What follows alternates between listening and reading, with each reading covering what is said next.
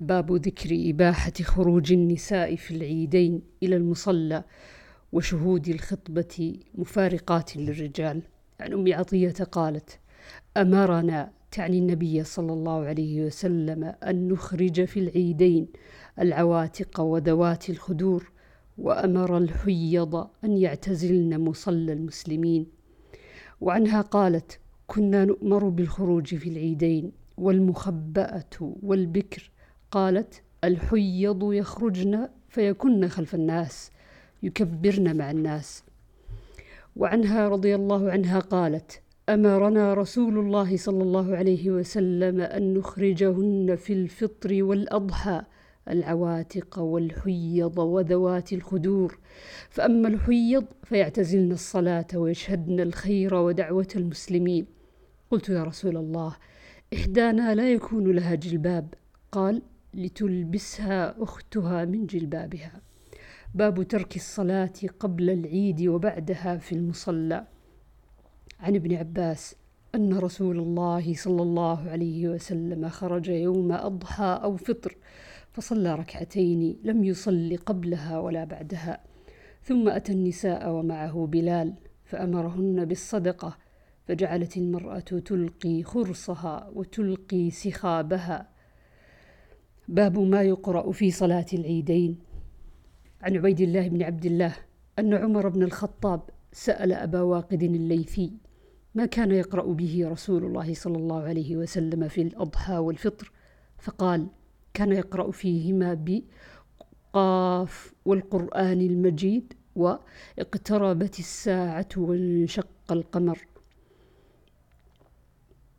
وعن أبي واقد الليثي قال سأل سألني عمر بن الخطاب عما قرأ به رسول الله صلى الله عليه وسلم في يوم العيد فقلت باقتربت الساعة وقاف والقرآن المجيد. باب الرخصة في اللعب الذي لا معصية فيه في أيام العيد. عن عائشة رضي الله عنها قالت دخل علي أبو بكر وعندي جاريتين جاريتان من جوار الأنصار وفي رواية جاريتان تلعبان بدف تغنيان بما تقاولت به الأنصار يوم بعاث قالت وليستا بمغنيتين فقال أبو بكر أبمزمور الشيطان في بيت رسول الله صلى الله عليه وسلم وذلك في يوم عيد فقال رسول الله صلى الله عليه وسلم يا أبا بكر إن لكل قوم عيدا وهذا عيدنا وعنها رضي الله عنها أن أبا بكر الصديق دخل عليها وعندها جاريتي جاريتان في أيام منى تغنيان وتضربان. ورسول الله صلى الله عليه وسلم مسجا بثوبه فانتهرهما أبو بكر فكشف رسول الله صلى الله عليه وسلم عنه وقال دعهما يا أبا بكر فإنها أيام عيد. وقالت رأيت رسول الله صلى الله عليه وسلم يسترني بردائه وأنا أنظر إلى الحبشة وهم يلعبون وأنا جارية. فاقدروا قدر الجارية العر... العربه الحديثة السن. عن عروة بن الزبير قال قالت عائشة والله لقد رأيت رسول الله صلى الله عليه وسلم يقوم على باب حجرتي والحبشة يلعبون بحرابهم في مسجد رسول الله صلى الله عليه وسلم يسترني بردائه لكي أنظر إلى لعبهم ثم يقوم من أجلي حتى أكون أنا التي أنصرف. فاقدروا قدر الجارية الحديثة السن حريصة على اللهو.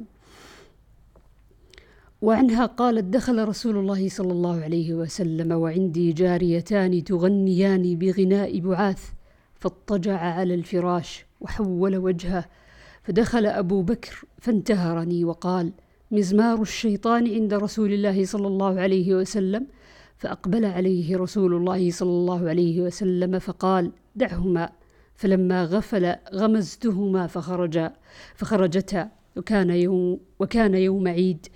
يلعب السودان بالدرق والحراب. فإما سألت رسول الله صلى الله عليه وسلم وإما قال تشتهين تنظرين فقلت نعم. فأقامني وراءه خدي على خده وهو يقول دونكم يا بني أرفدة. حتى إذا مللت قال حسبك؟ قلت نعم. قال فاذهبي. وعنها رضي الله عنها قالت جاء حبش يزفنون في يوم عيد في المسجد فدعاني النبي صلى الله عليه وسلم فوضعت رأسي على منكبه فجعلت أنظر إلى لعبهم حتى كنت أنا التي أنصرف عن النظر إليهم.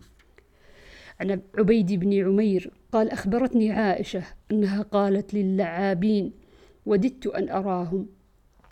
قالت فقام رسول الله صلى الله عليه وسلم وقمت على الباب أنظر بين أذنيه وعاتقه وهم يلعبون في المسجد. قال عطاء فرس أو حبش. وقال ابن عتيق بالحبش عن أبي هريرة قال بينما الحبشة يلعبون عند رسول الله صلى الله عليه وسلم بحرابهم إذ دخل عمر بن الخطاب فأهوى إلى الحصباء يحصبهم بها فقال يحصبهم بها فقال له رسول الله صلى الله عليه وسلم دعهم يا عمر.